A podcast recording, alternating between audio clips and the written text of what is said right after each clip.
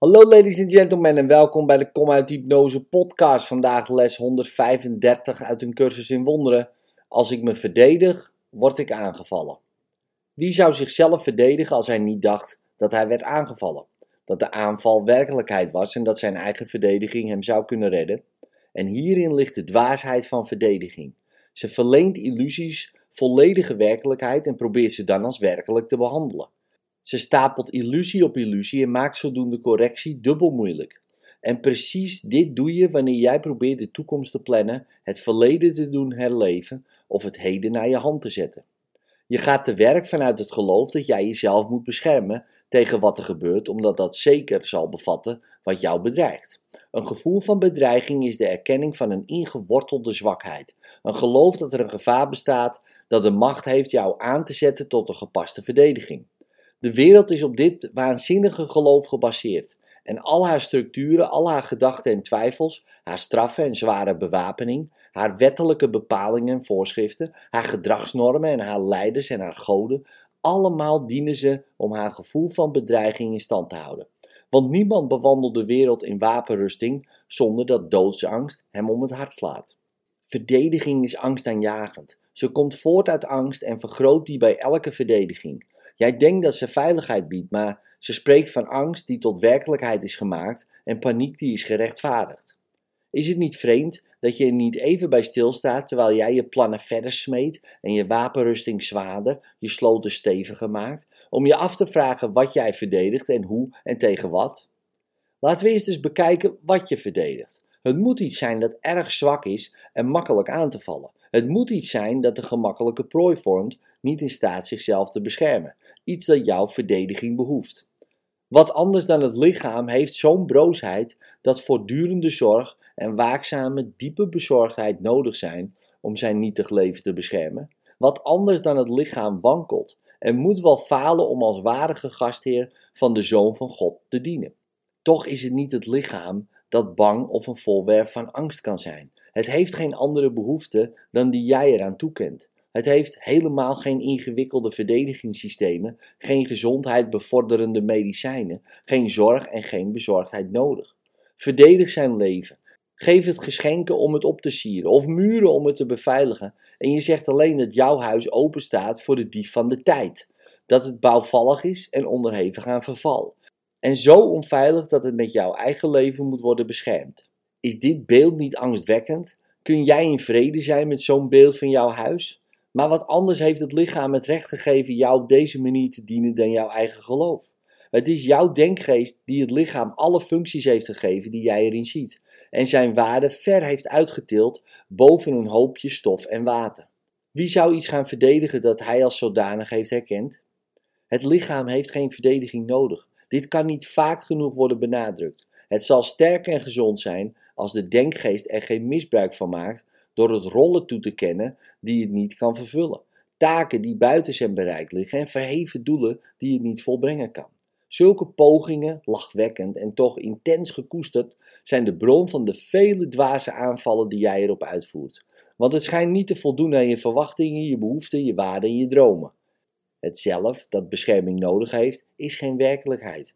Het lichaam zonder waarde en niet eens de geringste verdediging waard, hoeft alleen maar waargenomen te worden als iets dat geheel los van jou staat en het wordt een gezond, dienstbaar instrument waardoorheen de denkgeest kan werken tot de bruikbaarheid ervan voorbij is. Wie zou het nog willen behouden wanneer het niet bruikbaar is? Verdedig het lichaam en je hebt je denkgeest aangevallen. Want je hebt er de fouten, de zwakheden, de beperkingen en gebreken in gezien waarvan je denkt dat het lichaam moet worden verlost. Je ziet de denkgeest dan niet als gescheiden van lichamelijke condities. En je zult het lichaam alle pijn opleggen die voortkomt uit de opvatting dat de denkgeest beperkt en kwetsbaar is, los van andere denkgeesten en gescheiden van zijn bron. Dit zijn de gedachten die genezing nodig hebben. En het lichaam zal met gezondheid reageren wanneer die gecorrigeerd en door waarheid vervangen zijn. Dit is de enige werkelijke verdediging van het lichaam. Maar zoek je hier naar zijn verdediging? Je biedt de bescherming van een soort waar het helemaal geen baat bij heeft. Maar dat slechts het leed van jouw denkgeest vergroot. Jij geneest niet, maar neemt alleen de hoop op genezing weg. Want je ziet niet waarop hoop moet zijn gericht, wil ze zinvol zijn. Een genezen denkgeest maakt geen plannen. Hij voert de plannen uit die hij ontvangt door te luisteren naar wijsheid die niet van hemzelf is. Hij wacht totdat hem instructies worden gegeven over wat er moet worden gedaan en gaat het dan doen.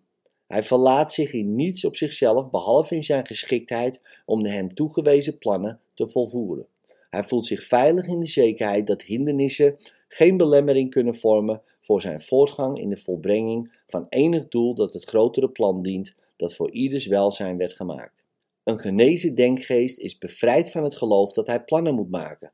Ook al kan hij niet weten welk resultaat het best is, met welk middel dat wordt bereikt, noch hoe hij het probleem kan herkennen tot oplossing waarvan het plan is gemaakt. Hij moet het lichaam wel bij zijn plannen misbruiken tot hij inziet dat dit het geval is. Maar wanneer hij dit als waar heeft aangenomen, dan is hij genezen en laat hij het lichaam los. Het lichaam onderwerpen aan de plannen die de ongenezen denkgeest opstelt om zichzelf te redden, maakt het lichaam zeker ziek. Het is niet vrij het middel te zijn dat meehelpt aan een plan dat zijn eigen bescherming verder te boven gaat en dat zijn diensten voor korte tijd behoeft. In deze hoedanigheid is gezondheid verzekerd. Want alles wat de denkgeest hiervoor aanwendt, zal vlekkeloos functioneren en wel met de kracht die hem gegeven is en het niet kan falen. Het valt misschien niet makkelijk te zien dat zelf geïnitieerde plannen slechts verdedigingen zijn, met geen ander doel dan te verwezenlijken waartoe die allemaal werden gemaakt. Ze zijn het middel waarmee een bange denkgeest zijn eigen bescherming ter hand wil nemen, ten koste van de waarheid. Dit valt bij sommige vormen die deze zelfmisleidingen aannemen niet moeilijk in te zien, waar de ontkenning van de werkelijkheid overduidelijk is. Toch wordt planning niet vaak als een verdediging onderkend. De denkgeest die verwikkeld is in plannen maken voor zichzelf, is bezig met het opbouwen van controle over toekomstige gebeurtenissen. Hij denkt niet dat er voor hem gezorgd zal worden, tenzij hij zijn eigen voorzorgen neemt. De tijd krijgt een nadruk op de toekomst, die beheerst wordt door lering en ervaring verkregen uit voorbije gebeurtenissen en vroegere overtuigingen. Het gaat voorbij aan het heden, want het berust op het idee dat het verleden genoeg lering heeft gebracht om de denkgeest zijn toekomstige koers te laten bepalen. De denkgeest die plannen maakt, weigert al dus ruimte te laten aan verandering. Wat hij vroeger heeft geleerd wordt de basis voor zijn toekomstige doelen. Zijn ervaring in het verleden bepaalt zijn keuze over wat gebeuren zal. En hij ziet niet dat hier en nu alles aanwezig is wat hij nodig heeft om een toekomst te garanderen, heel anders dan het verleden, zonder dat enige oude ideeën of ziekelijke overtuigingen voortbestaan. Anticipatie speelt in het geheel geen rol, want vertrouwen nu wijst de weg.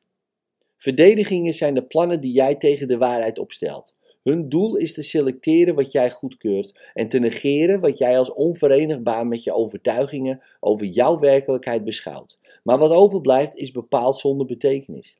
Want het is jouw werkelijkheid die de bedreiging vormt, welke jouw verdedigingen willen aanvallen, verbergen, uit elkaar halen en kruisigen. Wat zou je niet kunnen aanvaarden als je maar wist dat alles wat plaatsvindt, alle gebeurtenissen in verleden, heden en toekomst, liefdevol gepland zijn door degene wiens enig doel jouw welzijn is? Misschien heb je zijn plan misverstaan, want hij zou jou nooit pijn schenken.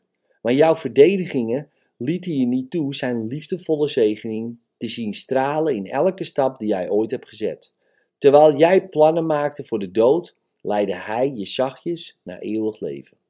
Je vertrouwen nu in Hem is de verdediging die een ongestoorde toekomst belooft, zonder een spoor verdriet en met vreugde die gestaag groeit wanneer dit leven een heilig moment wordt, geplaatst binnen de tijd, maar met louter oog voor onsterfelijkheid. Laat geen andere verdediging dan je vertrouwen nu de toekomst leiden. En dit leven wordt een betekenisvolle ontmoeting met de waarheid, die alleen door jouw verdedigingen kan worden verborgen. Zonder verdedigingen wordt je een licht dat door de hemel dankbaar als het zijne wordt erkend.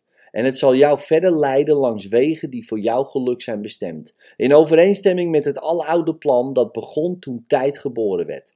Zij die je volgen, zullen hun licht bij het jouwe voegen, en het zal toenemen tot de wereld op licht van vreugde.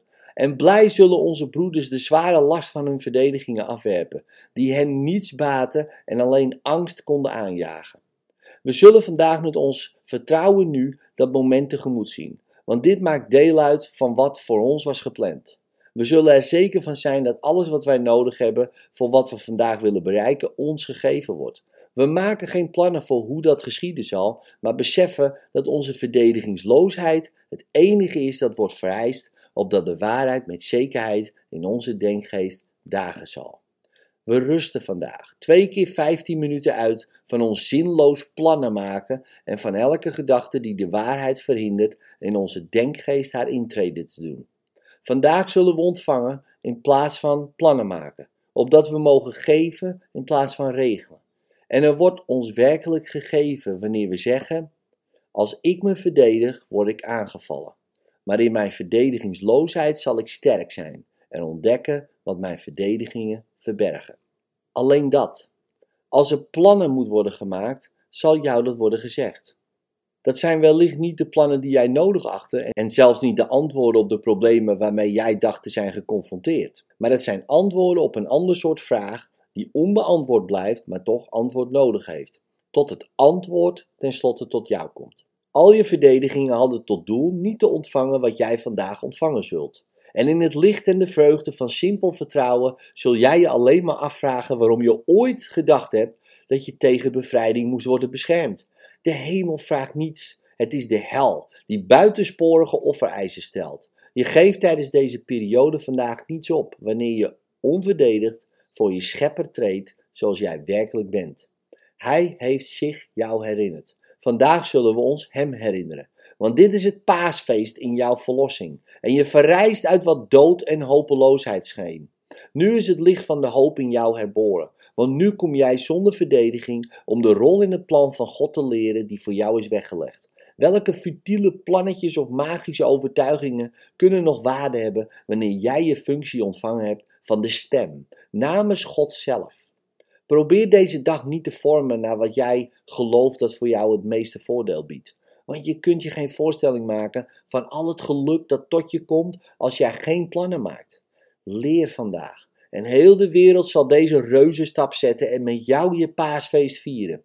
Wanneer zich gedurende de dag triviale kleinigheden voordoen die jou aanzetten tot een verdedigende houding en je verleiden tot het smeden van plannen, herinner jezelf er dan telkens aan dat dit een speciale dag om te leren is en erken dit als volgt. Dit is mijn paasfeest en ik wil dat heilig houden. Ik zal mezelf niet verdedigen, want de Zoon van God heeft geen verdediging nodig tegen de waarheid van zijn werkelijkheid. In liefde, tot morgen.